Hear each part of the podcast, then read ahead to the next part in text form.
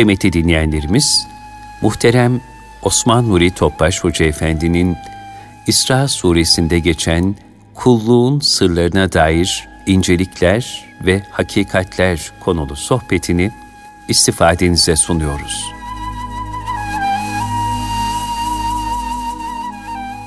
Resulullah sallallahu aleyhi ve sellem Efendimizin aziz, latif, mübarek, pak ruhu tayyibelerine, ehl-i beytin, eshab-ı kiramın, enbiya-i izamın, saadat-ı kiram hazaratının, şehitlerimizin cümle gitmişlerimizin ruhu şeriflerine, dinimizin, vatanımızın, milletimizin şerlerin şerlerden muhafazasına, bu niyaz bu duayla bir Fatiha-i Şerif, üç İhlas Allah'ımıza.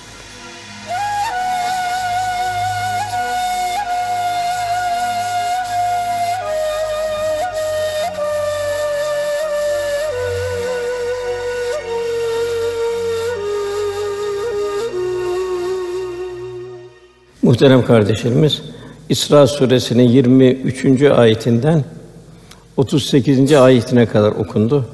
Cenab-ı Hak okunan bu ayet-i kerimelerin muhtevasında hayatımızı istikametlendirmeyi cümlemize nasip eylesin inşallah. Kulluk için yaratıldık. Bu dünya insan için hazırlandı.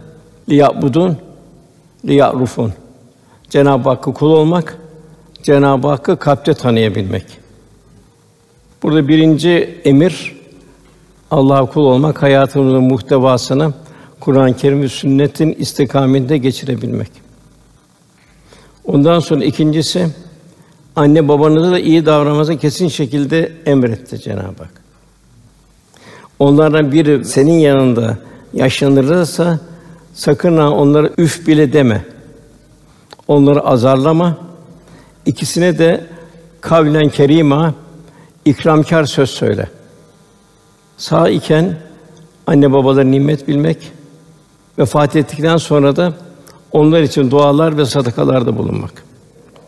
Bir gün sahabi diyor, biz Resulullah'ın huzurunda otururken Seleme oğullarının kavmine bir adam çıka geldi.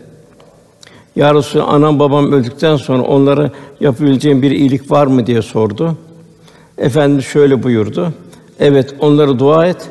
Günahların bağışlanmasının için Cenab-ı Hak'tan niyazda bulun. Vasiyetleri varsa vasiyetlerini yerine getir. Anne babanın akrabasını da gözet. Anne babanın dostlarına da ikram et. Bir vefa. Yine efendimiz şöyle buyurdular. İyiliklerin en değerlisi insanın babası öldükten sonra baba dostunun ailesini koruyup gözetmesidir. Hep vefa. Kul vefakar olacak. Yine Cenab-ı Hak Lokman suresinde biz insana ana babasına iyi davranmasını tavsiye etmiştir. Çünkü anası onun nice sıkıntılara katlanarak taşımıştır hamile durumundan. Sütten ayrılması da iki yıl içinde olur. Bunun için önce Cenab-ı Hakk'a, sonra da ana babana şükret diye tavsiyede bulunmuşuzdur. Cenab-ı Hak buyuruyor sonra dönüş ancak banadır. Bunun hesabı Cenab-ı Hakk'a verilecek. Fakat yalnız anne babanın talimatları şeriatın dışında olursa o zaman itaat etme durumu yoktur. Yine Cenab-ı Hak buyuruyor Lokman suresinde bana yönelenlerin yani salihlerin, müttakilerin yolunu tut, yoluna uy. Dönüşünüz ancak banadır. O zaman size yapmış olduklarınızı haber verir. Ekranlar inecek. Yaptığımız muameleleri kendimiz göreceğiz. Bazen anne babalardan evlatlarına dair şikayetler geliyor. Demek ki şunu düşüneceğiz.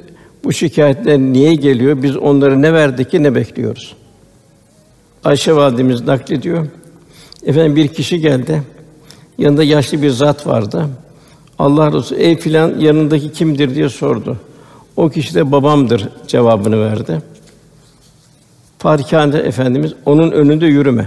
Yani babanın önünde yürüme. Ondan evvel oturma. Onu ismiyle çağırma. Ona yanlış söz söyleme. Ondan sonra gelen ayet onları esirgeyerek üzerine kanatkar anne babanın yaşlandığı zaman. Rabbim küçüklüğümde onlar beni nasıl yetiştirmişlerse şimdi sen onlara öyle rahmet et diyerek dua et Cenab-ı Hak buyuruyor. Yine bir hadis-i şerif bir kimse ana babayı duayı terk ettiğinde dünyadaki rızkı kesilir. Allah Teala cennetteki salih kulun derecesini yükseltir de hayrete düşen kul ya Rabbi hangi sebepten bana terfi verildi diye sorar. Cenab-ı Hak da çocuğunun sana yaptığı istiğfar ve dua sebebiyle. Yani bu anne babaya demek ki bilhassa salih anne babaya da çok daha ehemmiyet vermek lazım. Dualar, hayır hasenatlar, sadakalara devam etmek lazım. Anne baba olarak da evlatlarımıza İslam şahsiyet ve karakterini miras olarak bırakabilmek. Zamanımızda maalesef ahireti unutturmaya çalışan modern bir cahiliye dünyaya yayılıyor. Nasıl 1400 sene evvel nasıl bir cahiliye yayılmıştı? Bugün bir modern cahiliye yayılıyor. Globalleşme yüzünden bütün imkanlarıyla evlatlarımızı elimizden alıyorlar. Ahiret inancı, iffet vesaire, televizyonun kirli vitrinleri, internetin iğrenç sokakları, insanı robotlaştıran ahmak modalar, çarpıcı reklamlar, cep telefonu kadar girerek her yere yayılıyor maalesef. Bu sebeple zamanımızda evlat terbiyesi çok zorlaştı. Anne babalara çok iş düşüyor. Yani evlat terbiyesi büyük bir ehemmiyet taşır hale geldi. Eskiden geniş bir aile vardı. Çocuk bu geniş ailede dedesinden, ninesinden, akrabalarından terbiye görürdü. Mahallenin bir rolü olurdu terbiye üzerinde. Öyle ki bir yaramazlık yapmak isteyen bir kişi kendi mahallesinin dışında bu yaramazlığı yapardı. Utanırdı. Bugün ise bu koruyucu içtimai muhit de kayboldu. Yani eskiden bir çocuk her taraftan güzel ahlak numunesi, insanların nezaretinde yetişerek tabii şekilde terbiye edilmiş olurdu. Gün görmüş dedelerden ilim ve irfan, İslam nezaket, zarafet, edebiyle kemal bulmuş ninelerden adab ve erkan öğrenirdi. Böylece evlatlar her yönden gelen müsbet, manevi terkinlerin bereketiyle sağlam bir şahsiyet ve karakter kazanırdı. Maalesef bugün modern hayatın dayattığı yapı bugün evlatları o güzel terbiyeden mahrum bıraktı. Dede ve nineler ayrı bir evde. Ana baba da maişet temini için iş hayatına koşturmacasında. Dolayısıyla çocuklar evde yalnız kalıyorlar. Onun şahsiyet ve karakterlerini okulda seküler eğitim sistemi, arkadaş çevresi, evde ve sokaktaki televizyon ve internetle şekillendiriyor. Bu sebeple de evlatlarımız arasında gafil insanlara özenme ve taklit başlıyor. Selde sürükleyen kütükler gibi maalesef akıp gidiyor. Hangi girdapta boğulacağı belli değil. Yani bugün aileler ve evler İslam'ın kalesi haline gelmeli. Mikrop ve virüsün yayılmasın diye karantinalar uygulanmaktadır. Aynen bunun gibi manevi virüslerden de evlerimizi ve gönüllerimizi arındırmamız zaruridir. Manevi virüslerden arındırılmış Kur'an kursları, imam hatip okulları onları desteklemeli ve evlatlarımızı böyle müesseselerdeki Kur'an ahlakıyla, sünnet şuuruyla yetiştirmemiz zaruri durumda. Ahmed bin Hanbel şöyle buyuruyor. Malum dördüncü mezhep. Ben 10 yaşındaydım diyor. Kur'an-ı Kerim'i ezberlemiştim diyor. Sabah namazından önce annem beni kaldırır. Soğuk Bağdat günlerinde abdest suyumu ısıtırdı. Sonra elbiselerimi giydirirdi. Evimiz uzak ve yol karanlık olduğu için kendisi de başörtüsünü takıp tesettüre bürünerek benimle birlikte camiye kadar gelirdi sabah namazlarında. Şunu da unutmamak lazım ki evlatlar anne babaların ne söylediğini değil, ne yaptıklarına bakarlar. Yani anne babalar İslam ahkam ve ahlakını yaşayan mümin anne babalar olursa evlatlar da o karakterden yürürler. Ve bu sessiz sedasız bir tebliğdir. Anne babanın güzel ahlakı. Belki de sözlü olandan daha da tesirlidir. Yine İmam Malik Hazretleri ben diyor çocuktum diyor. Babam diyor bana bir hadis ezberletirdi, bir hediye verirdi. Ben de bir hediye alacağım diye bir hadis daha ezberlerdim. Böyle öyle bir hal oldu ki hadis ezberlemek bir lezzet haline geldi bana. Ve muhakkak evlatlarımıza Camiye giderken onlara bir ufak tefek hediyeler vererek yanımıza camiye alıştırmalıyız. Hazreti Ömer radıyallahu anh buyurdu. Siz susarak da İslam'ı tebliğ edin. Ya halife dediler. Susarak nasıl tebliğ olur? Halinizde, ahlakınızda, nezaketinizde, zarafetinizde buyurdu. Biz de evlatlarımıza, talebelerimize, bütün çevremize halimize örnek olmak zorundayız. Mesela ecdat bir iskan politikası vardı. Murat Han Kosova'yı fethetti. Arkadan gelenler Anadolu'nun temiz halkını oraya sevk ettiler. Fatih Bosna'yı fethetti. Yine Anadolu'nun temiz halkını oraya sevk ettiler. Ve Boşnakların yüzde yüz Müslüman oldu. Arnavutların yüzde 95 Müslüman oldu. Yani güzel misal, güzel bir numune olmak, Resulullah Efendimizin ahlakını aksettirebilmek. Cenab-ı Hak buyuruyor siz Allah'ın şahitlerisiniz. Allah'ın din temsil edersiniz. Peygamber de şahit olsun buyuruyor. Bugün sanal ortam evlatlarımız akıl ve gönül dünyanın dumura uğratmış durumda. Niçin dünyaya geldik? Kimin mülkünde yaşıyor? Geliş gidiş niye? Bunun farkında olmuyor neslimiz. Kendisine ihsan olarak yaratan ve siz nimete perverde eden Rabbini unutuyor. Rabbini unutunca da nefsani arzulara dalıyor. Cenab-ı Hak buyuruyor ayette Allah'ı unutan Allah'ın da kendini unutturduğu kişiler gibi olmayın. Allah da kendini unutturuyor. Bir gafletin içinde sürüklenip gidiyorlar. Bir çocuğu yetiştirmek, bir yetimi yetiştirmek, onu yatacak yer vermek, karnı doyurmak kâfi değil. Onun akıl ve ruh dünyasını ilim, irfan ve ruhaniyetle tezyin etmek zaruri. Velhâsıl bugün imansızlık yangınından insan kurtarma derdinde olmak zaruri. İnsan hayatı üç mevsim vardır. Bir çocukluk devri. Bu acizlik için dünyaya geliş, her bakımdan himayeye muhtaç, hiçbir ihtiyacını kendisi göremez. Anne babaya muhtaçtır. İşte bu yetişmeye bağlı. Gençlikte zindelik ömrün ilk baharı. Genç bir ahiret mektebinde olduğunu unutmayacak. Üçüncüsü güç ve kuvvetten düşüp tekrar çocukluğa dönüş yaşlılık. Cenab-ı Men nu'ammirhune küssü fil hark efela yakulun buyuruyor. Baştan güç kuvvet veririz. Sonra o yaradıcı tersini çeviririz. İnsan şaküründen düşer. Ağrılar, sızlar başlar. Efela yakulun İnsan akıl erdirmez mi yolculuk nereye? Vefa nezaket efendimizde. Bir gün otururken süt babası geldi. Efendimiz hürmeten elbisini onu bir kısmına oturttu. Az sonra süt annesi geldi, onu da diğer kısmına oturttu. Sonra süt kardeşi geldi, onu da önüne oturttu. Efendimiz onun için ayağa kalktı. Demek ki süt anne babasının hakkı. Yine ayet-i kerimede devam eden 25. ayetinde Rabbiniz sizin kalbinizdeki çok iyi bilir. Eğer siz iyi olursanız şunu da bilin Allah kötülüklerden güç çevirerek tövbe yönelene son derece bağışlayıcıdır.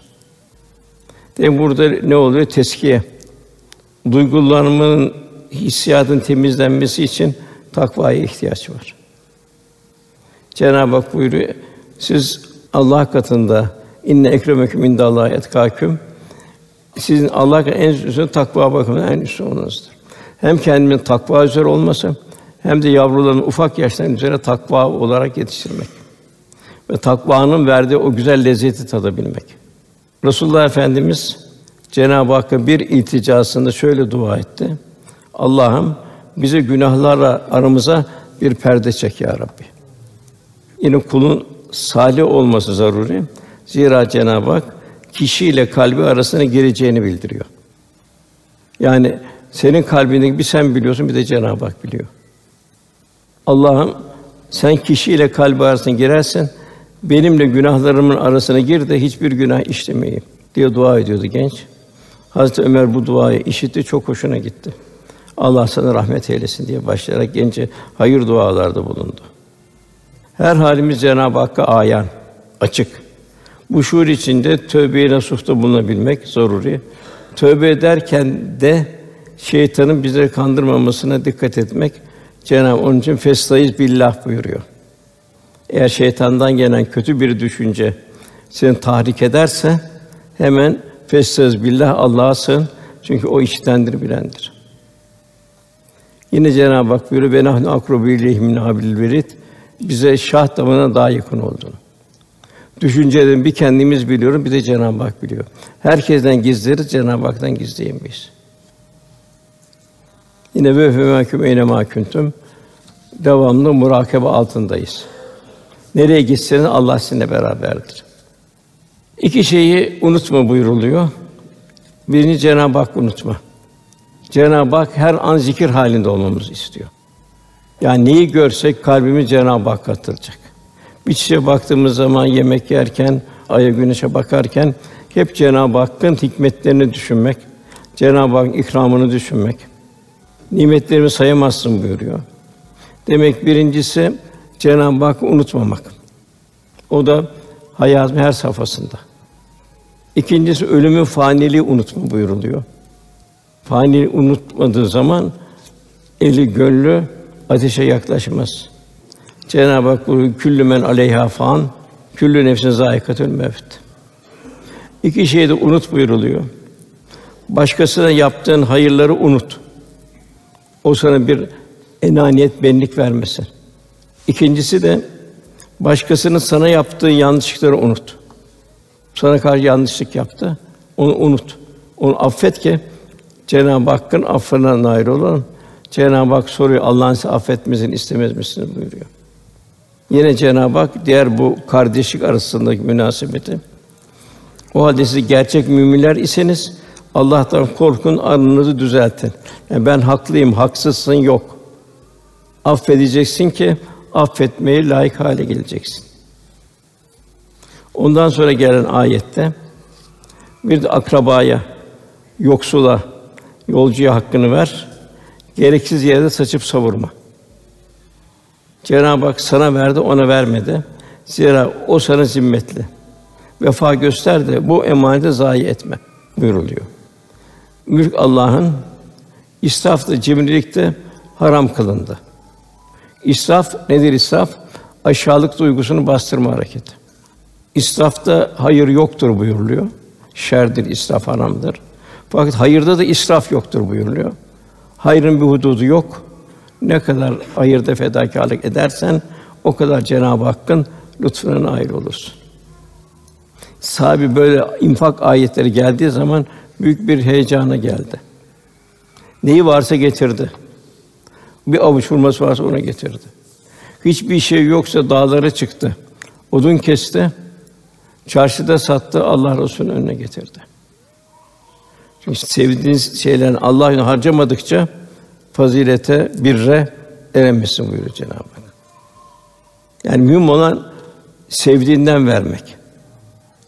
Hazreti Ayşe radıyallahu buyuruyor. Resulullah Medine'ye geldiği günden vefat ettiği güne kadar üç gün arka arkaya buğday ekmeğiyle karnını doyurmadı. Çünkü bir aç varken efendimiz doymazdı. O aç insanı doyururdu, onun hazzıyla kendisi doyardı. Ayşe validemiz sözünü şöyle tamamlıyor. Dileseydik doyardık. Yani bu açlık yokluktan değildi. Ganimetler benzeri imkanlar her zaman vardı. Fakat Hz. Muhammed sallallahu aleyhi ve sellem mümin kardeşlerine kendisine tercih makamında isarda bulunuyordu. Böylece elimize geçeni bu şuur ve idrak ile hemen infak ederdik. Yine Enes buyuruyor. Sallallahu aleyhi ve sellem İslam için kendisine ne istenirse onu mutlaka verirdi. Hele bir keresinde yanına gelen birisi iki dağ arasını dolduran koyunlar vardı. Resulullah Efendimiz onları verdi.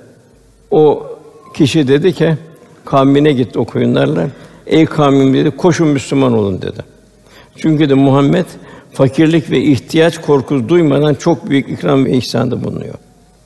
Kimi sırf dünyalık elde etmek için Müslüman olurlardı. Bak çok geçmeden Müslümanlık onların gözünde dünyadan ve yüzündeki her şeyden daha değerli bir hale gelirdi. Resulullah yakından tanıdıkça heyecanları artardı. Bütün şey Resulullah beraber olmak, ahirette de beraber olmak. Onun için daim efendim en büyük arzusuna canım malım feda olsun ya Resul emret derlerdi. Yusuf Aleyhisselam baktığımız zaman o da kendi kuyuya atan kendisine zulmeden kardeşlerine kendisini gizleyerek devamlı ikram etti. En son onlar dediler ki sen hakikaten Yusuf'sun dediler. Allah seni bizden üstün yaratmış dediler. Demek ki insan daima ihsana mağlup, iyiliğe mağlup. Ömür vadis olmayan en kıymetli bir sermaye. Üzerinde metrajı yazmayan bir makara gibi nerede kopacağı meçhul. Yarın diyenler helak oldu. Yani nefsin mayasında faniliğe isyan var. Faniliği istemiyor insan. Beka istiyor. Fakat beka da yalnız Cenab-ı Hakk'a ait. Adem'le Havva da beka istedi. Cennette kalmak istediler. Onlar o izeli işledikleri için dünyaya indirildi. Dünyada insan nesli gelecek. Efendim şöyle bir misal veriyor. Allah infakın sebep olduğu lütuflardan birini şöyle haber veriyor. Tabi bu geçmiş kavimlerde oluyor. Bir kimse çölde yolculuk ediyordu. Semadan falan adamın bahçesini sula diye bir ses duydu. Başını kaldırıp baktı, gökte sadece bir bulut vardı. Evet ses oradan geliyordu. Adam hayret için kaldı ve bulutu takip etmeye başladı.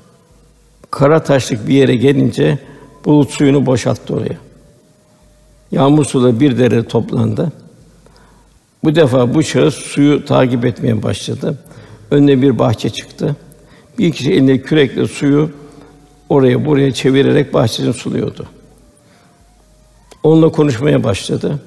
Ey filan Allah'ın kulu. İsmi nedir diye sordu. O zat buluttan duyduğu ismi söyledi. Sonra da ismimi niçin soruyorsun diye sordu. Biraz önceki yağmuru yağdıran bulut vardı ya. İşte bir kimse o bulutu senin adını söyleyerek falanın bahçesini sula dedi. Ben de bulutun ardından giderek buraya kadar geldim. Adını da onun için soruyorum.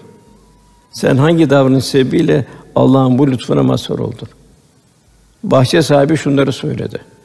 Madem merak ediyorsun söyleyeyim. Şu gördüğüm bahçe ürün verinceye kadar oturup hesap yaparım. Üçte birini sadaka diye dağıtırım. Üçte birini çoluk çocuğumla birlikte yerim. Üçte birinde tohumluk yaparım. İşte benim yaptığım bundan ibarettir. Üçte birini infak ederim diyor. Ondan sonra gelen ayet. Zira böylece saçıp savunanlar şeytanların dostlarıdır. Şeytan Rabbine karşı çok nankördür. Demek ki bu saçıp savurma, israf bir şeytanın hususiyeti oluyor. Cenab-ı Hak şeytanın hususiyetine bir müminin benzemesini asla istemiyor. İsraf eshab-ı kiramın tanımadığı bir hayat tarzıydı. Cenab-ı Hak müminden hassas bir gönül istiyor.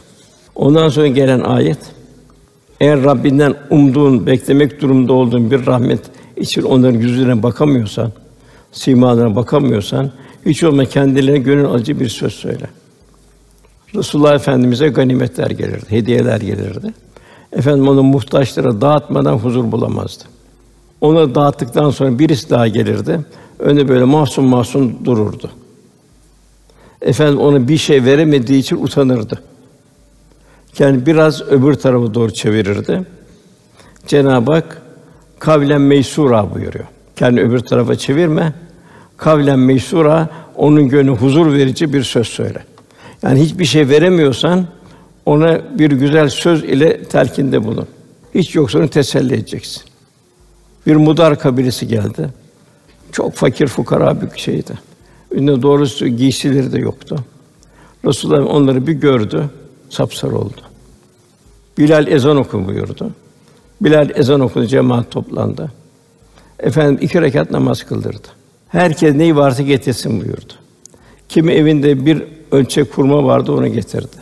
Kim bir çuval doldurarak getirdi durumuna göre. Efendim bunlar eshab-ı kiram bu cömertliğini görünce efendimiz tebessüm etti. Mümin içtimaileşecek. Etrafına daima İslam'ın güler yüzünü sergileyecek. Verirken de bir rahmet dilini kullanacak. İşte Mevlana'dan bir şey bir gönül al ki haccı ekber olsun buyuruyor. Yani öyle bir gönlü bul. Allah'a yakın bir gönlü. Onu ihya et. Bir haccı ekber olsun buyuruyor. Yani Cenab-ı Hak müminlerle buluşmak istiyor. Zira sadakaları ben alırım buyuruyor Cenab-ı Hak. Ye Mevlana Şems diyor. Bana bir şey öğretti. Dünyada bir tek mümin üşüyorsa sen celaletin ısınma hakkına sahip değilsin dedi. Ben de biliyorum ki yeryüzünde üşüyen müminler var. Ben artık ısınamıyorum diyor Mevlana. Yani merhamet Müslümanın alamet farikası. Müslümanın zineti, Müslümanın zenginliği cömertmeli. Merhamet de sende olanı onda mahrum olana ikram etmendir. Diğer ifadeyle merhamet başkalarının mahrumiyetini telafi için onların yardımına koşmandır. İlahi nazarların insandaki tecellisi kalp. Kainattaki tecellisi de Kâbe'dir.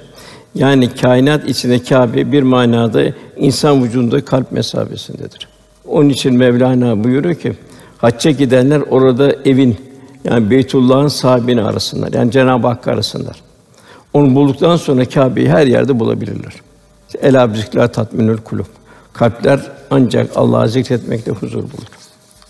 Enes radıyallahu anh buyuruyor. Ben Resulullah'ın ellerinden daha yumuşak olan bir el, bir atlasa, bir de ipe dokunmadım. Allah Resulü'nün kokusundan daha hoş bir rayada koku duymadım. Efendim tam 10 yıl hizmet ettim. Bana bir defa bile üf demedi. Yaptığım bir sebebiyle niçin böyle yaptın demediği gibi yapmadığım bir iş sebebiyle de bir kez bile şöyle yapsan olmaz mıydı demedi. Neyle terbiye ediyordu Enes'e? Muhabbetiyle terbiye ediyordu. Enes'in derdi neydi? Aman ben Resulullah'ın hoşlanmayacağı bir harekette bulunmayayım. Yine Mevlana'mın merham ol diyor, diken olma diyor. Ondan gelen ayet eli sıkı olma. Büsbütün de açık olma. Sonra kınanır, kaybettiğin hasretini çeker durursun. Ayette de buyuruyor, o takva sahiplerim bollukta ve darlıkta Allah için harcarlar. Yani darlıkta olan da harcayacak. Yarım hurmayla harcayacak. Onlar gayzlarını, öfkelerini yutarlar. İnsanları affederler. Allah da güzel davranış bulunanları sever buyuruyor. Allah muhsinleri sever. İşte yer mükte yoklukta verirler. Bir bardak su üç tane şehidin ortasında kaldı. Üç şehit birbirine ikram ederlerken üçü de vefat etti.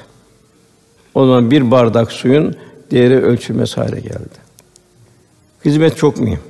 Yani bir pınarın başında gelen geçen su vermek güzel bir ikram. Fakat çöldeki bir insan o bir bardak suyu taşımak çok çok kâbına varılmaz bir ikram. Bir Darvan kazisi geliyor Kalem suresinde. Bu Yemen'de cömert bir zat var. O zat daha mahsulü alırken öşürü bol bol dağıtırmış. Fakirler de gelip o tarlanın etrafında beklerlermiş. Hepsi memnun dua halinde giderlermiş. Sonunda bu zat vefat ediyor. Evlatlarında biraz pintili kasislik var. Toplamak için erkenden gidiyorlar. Birbirine fısıldaşı fısıldaşı konuşuyorlar. Aman diyor konuştuğumuzu halk duymasın gelir hemen bizden öşürleri isterler diye. Öyle gidiyor. Bir bak tarlalarına geliyor. Tarlalar kapkara olmuş. Simse olmuş. Biri diyor ki yanlış yere geldik diyor. Yok diyor. Yanlış yere gelmedik diyor. Biz de yaptığımızın bir cezasını burada görüyoruz diyor. Hemen istiğfar ediyorlar. Tabi bu verilmeyen zekattı, infaktı, öşürdü. Hastalıkla çıkar, musibetlerle çıkar vesaire çıkar. Çünkü belayı sadakalar defeder buyuruluyor. Ebu Zer'e efendim talimatı var. En fakiri çorbana su koy diyor. Tane koyacak hali yok. Etrafını gözet diyor mahalleyi. Kim tok kim aç. Verirken de bir nezaket de ver, bir incelik de ver. Bir teşekkür edası içinde ver. Bu İstanbul seferlerin birinde bir Medineli atını ta Bizans'ın ortasına kadar sürdü. Arkadaşı da yanlış iş yaptı dedi. 195'e ait Bakara'nın kendi eliyle kendisini tehlikeye attı dedi. Ebu Eyüp el Ensa yok dedi. Yok değil dedi. Bu ayet bize indi dedi. Biz dedik ki dedi biz artık bundan sonra hurma bahçelerine döneriz. Bizden sonra gelenler devam etsin. Bunu da bu ayet indi. Kendini tehlikeye atmayın. Yani son nefese kadar Allah yoluna gayret etmek. Yakın gelene kadar buyuruluyor. Allah ondan ahsenu buyuruyor. Bir müminin bütün amelleri en güzel olacak. Ondan Allah muhsinleri sever. İhsan sahibi olacak bir kul. Kulül af buyuruyor, fazlasını ver buyuruyor Cenab-ı Hak. bu kafi miktarın fazlasını yani fabrikan olacak, işin olacak vesaire olacak. Bu zaruri bir mümin çalışacak. Fakat kendini muktesit yaşayacak, fazlasını infak edecek. Ölçüyü iyi kullanacak. İki minfini yani cimrilik ve israfın arası cömertliği ifade eder. Ondan sonra gelen ayet 30. ayet. Rabbin rızkı dilediğine bol verir. Dilediğine daraltır. Çünkü Allah o kullarından haberdardır. Onları çok iyi görür. Demek ki kalbin sanatı mal ve mülkü Cenab-ı Hakk'ın rızası istikamette kullanmaktır. Az verdi bu benim için hayırdır. Çok verse Karun gibi olabilirdim. Çok verdi bana Allah bu malı emanet verdi. Ben bunu diğer benim kardeşlerim benim teminatım altında ben onun ihtiyaçlarını göreceğim. Bu eda ile olacak. Yani kalbini dünyanın kasası yapmayan şükür ehli cömert zenginler ile kanaatkâr, sabırlı, haysiyetli fakirler insanın şerefinde ilahi rızada beraberler. Aynı Şakir'in fukarayı sahibini. Cenab-ı Hak Süleyman Aleyhisselam'ı kasa yapmadı o. Nimet abdü. O ne güzel bir kuldu Süleyman Aleyhisselam. Eyüp Aleyhisselam fakirlikten imtihan gördü. Daima şükür ve sabır halindeydi. Cenab-ı Hak nimel abdu buyuruyor. Onu güzel bir kuldu buyuruyor. Yani aynı Şakir'in fukara sahibinin olmak ikisi de tabii zor. Orta yol kalabalık. Ondan sonra gelen ayet o zaman müşrikler bir kısmı geçim derdinden, bir kısmı başka dertten kız çocuklarını bilhassa diri diri gömerlerdi. Yani vicdanlar iyice kurumuştu. Cenab-ı Hak buyuruyor ki geçim endişesiyle çocuklarınızın canına kıymayın. Biz onların sizin de rızkını biz veririz. Onları öldürmek gerçekten büyük bir cürümdür. Onu düşünün belki o öldürülen çocuk yarın ana babaya destek olacak. Onun baston olacak. Cenab-ı Hak niye ver? Bir teşekkür edasında içinde olacak. O zaman nasıldı? Götürüyordu, diri diri kuyuya atıyordu, üzerine toprak atıyordu. Cenab-ı Hak ve izel mev'udeti suilet be yezem min kutilet buyuruyor. Yani diri diri toprağa gömülen kıza hangi günah sebebiyle gömüldüğü sorulduğunda. Bugün de tekrarlanan bir cahiliye devri içindeyiz aynı. Değişen bir şey yok. Bugün de kürtaç kasapları var. Kendi parçası olan çocuğunu ayağını, başını kestire kestire makasla çıkarttırıyor. Demek ki Allah evlat vermişse bunu bir nimet biliyor, Allah onu yetiştirecek. Evlat vermedi, Ayşe validemiz hatırlayacak. Hakim bir Hizam Hazretleri var. O Hazreti Hatice validemiz akrabasıydı. Cömert, müşfik, hayır esenat sahibi bir kişiydi. Cahiliye devrinde o diri diri gömülmeye giden kızları babalarından alırdı. Onları büyütürdü, evlendirirdi onları. Sonra Müslüman oldu. Bir gün dedi ki, Ya Resulallah, benim cahiliye devrinde yaptığım hayırlar var. Sadaka vermek, köle azat etmek, sıl rahimde bulunmak. Bunların mukabilinde bir ecir var mı? diye sordu. Efendimiz de sen zaten daha önce yaptığın bu iyilikler hayrına İslam ile şereflendir. Demek ki İslam ile şereflenelim. Çok bir taatte bulunalım. infakta bulunalım ki bizim de son nefesimiz selamet olsun inşallah. Yine buna benzer bir zat geldi. Ya Resulallah, biz cahiliye ehlindeydik dedi. Putlara tabardık, kız çocuklarını diri diri toprağa gömerdik. Benim küçük bir kızım vardı. Beni çok severdi. Öyle ben onu çağırdığım zaman sevinçli adeta uçar koşa koşa yanıma gelirdi. Bir gün yine ben onu çağırdım. Koşarak yanıma geldi. Sonra onunla beraber yola çıktık. Ailemize ait olan yakında bir kuyunun yanına vardık. Kızımı elinden tutarak onu kuyuya attım. Kulaklarıma gelen son sözleri babacığım babacığım diye çığlıklar oldu. Bunu duyunca merhamet umman efendimiz gözden yaşlar döküldü. Orada hazır bulunanlar biri dedi ki, ey filan dedi, Resulullah üzdün dedi. O zatı çıkıştı. Yani o vahşet içinde insandan nasıl bir faziletler medeniyeti inşa etti. O kişi gözü yaşlı yaşlı geldi Resul Efendimiz. Acaba Allah beni affeder mi diye geldi. Ondan sonra ayet zina yaklaşmayın.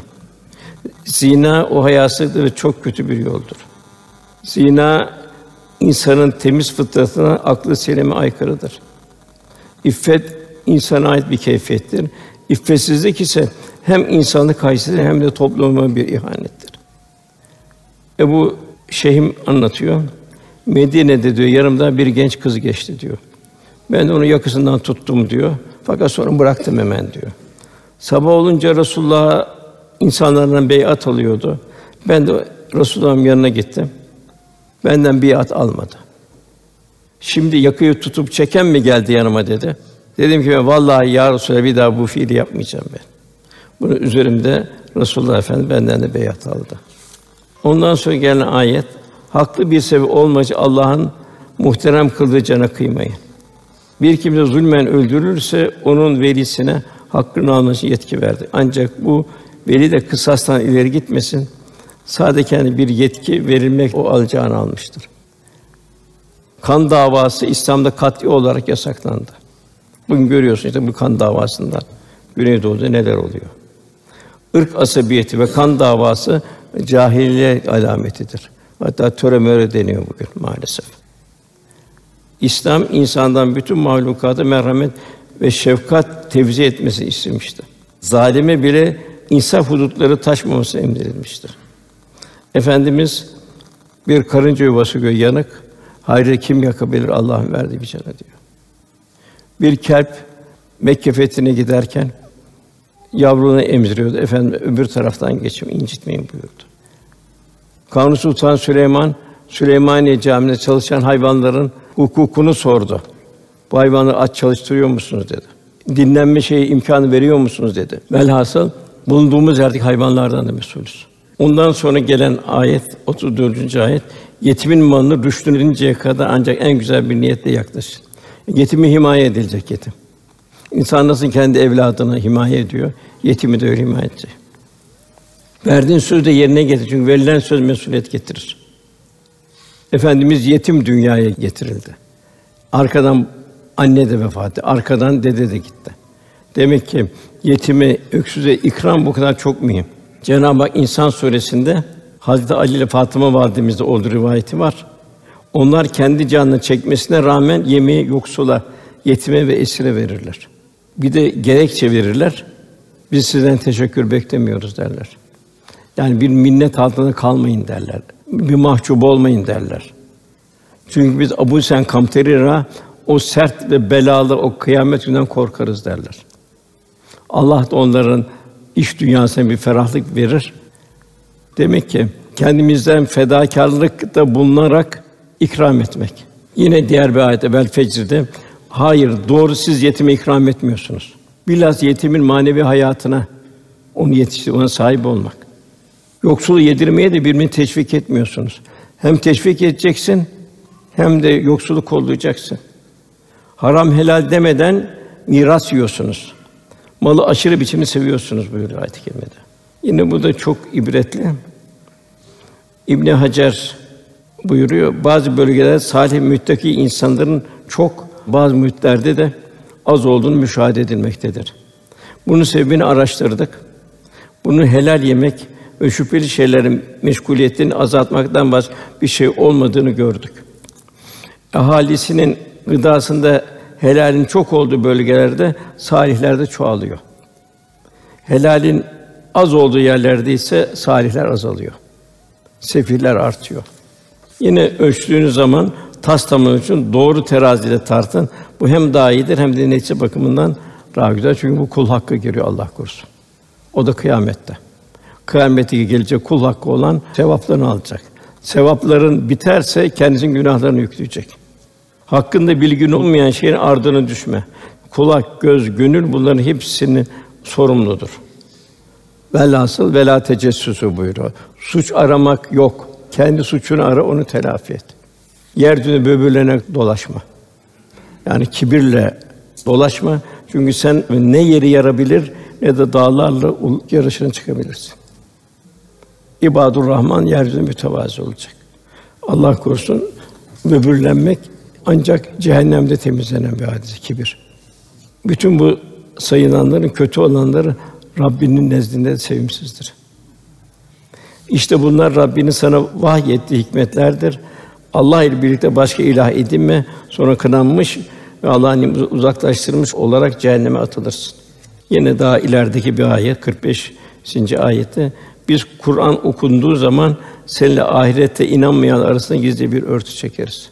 Ancak onları anlamamadığı için kalplerine bir kabalık ve kulaklarına bir ağırlık veririz kâfirlere. Sen Kur'an'da Rabbinin birliğini yad etti. Onlar canları sıkılmış bir vaziyette gerisin geri dönüp giderler. İşte bugünkü halimiz maalesef. Kullarımı söyle, sözün en güzelini söylesinler. Sonra şeytan aralığını bozar. Çünkü şeytan insanı apacık düşmanıdır. Bu dünyada kör olan kimse yani kalbi kör, imana kör, ahirette de kördür, üstelik iyice yolunu şaşırmıştır. Ondan sonra talimat gecenin bir kısmında uyanarak sana mahsus bir nafile olmak üzere yani fazladan namaz kıl. Böylece Rabbinin seni övgüye değer bir makama göndereceğini umabilirsin.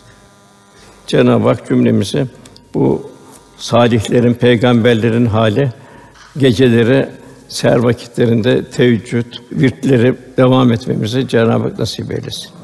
Bu virtler çok mühim. Gece serde yapılan virtler gündüz nefsani arzular karşı bir kuvvet oluyor. Bilhassa bu tasavvufi derslerde verilen zikir, tefekkür, murakabele yapılan sohbetler kişinin maneviyatını artırmak için yazılmış birer reçetedir. Ruhaniyet artacak bunlarla. Seherler vazifelerde. Erkek kardeşlerimizin namazlarını cemaatle kılması zaruri.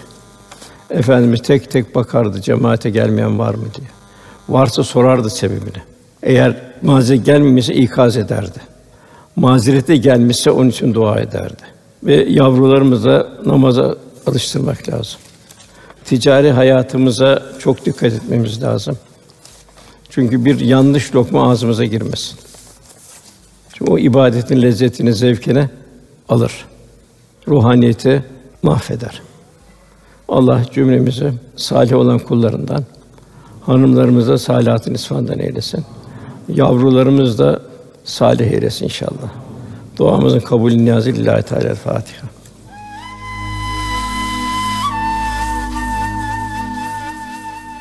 Erkam Radyo'da muhterem Osman Nuri Topbaş Hoca Efendi'nin İsra suresinde geçen kulluğun sırlarına dair incelikler ve hakikatler konulu sohbetini dinlediniz.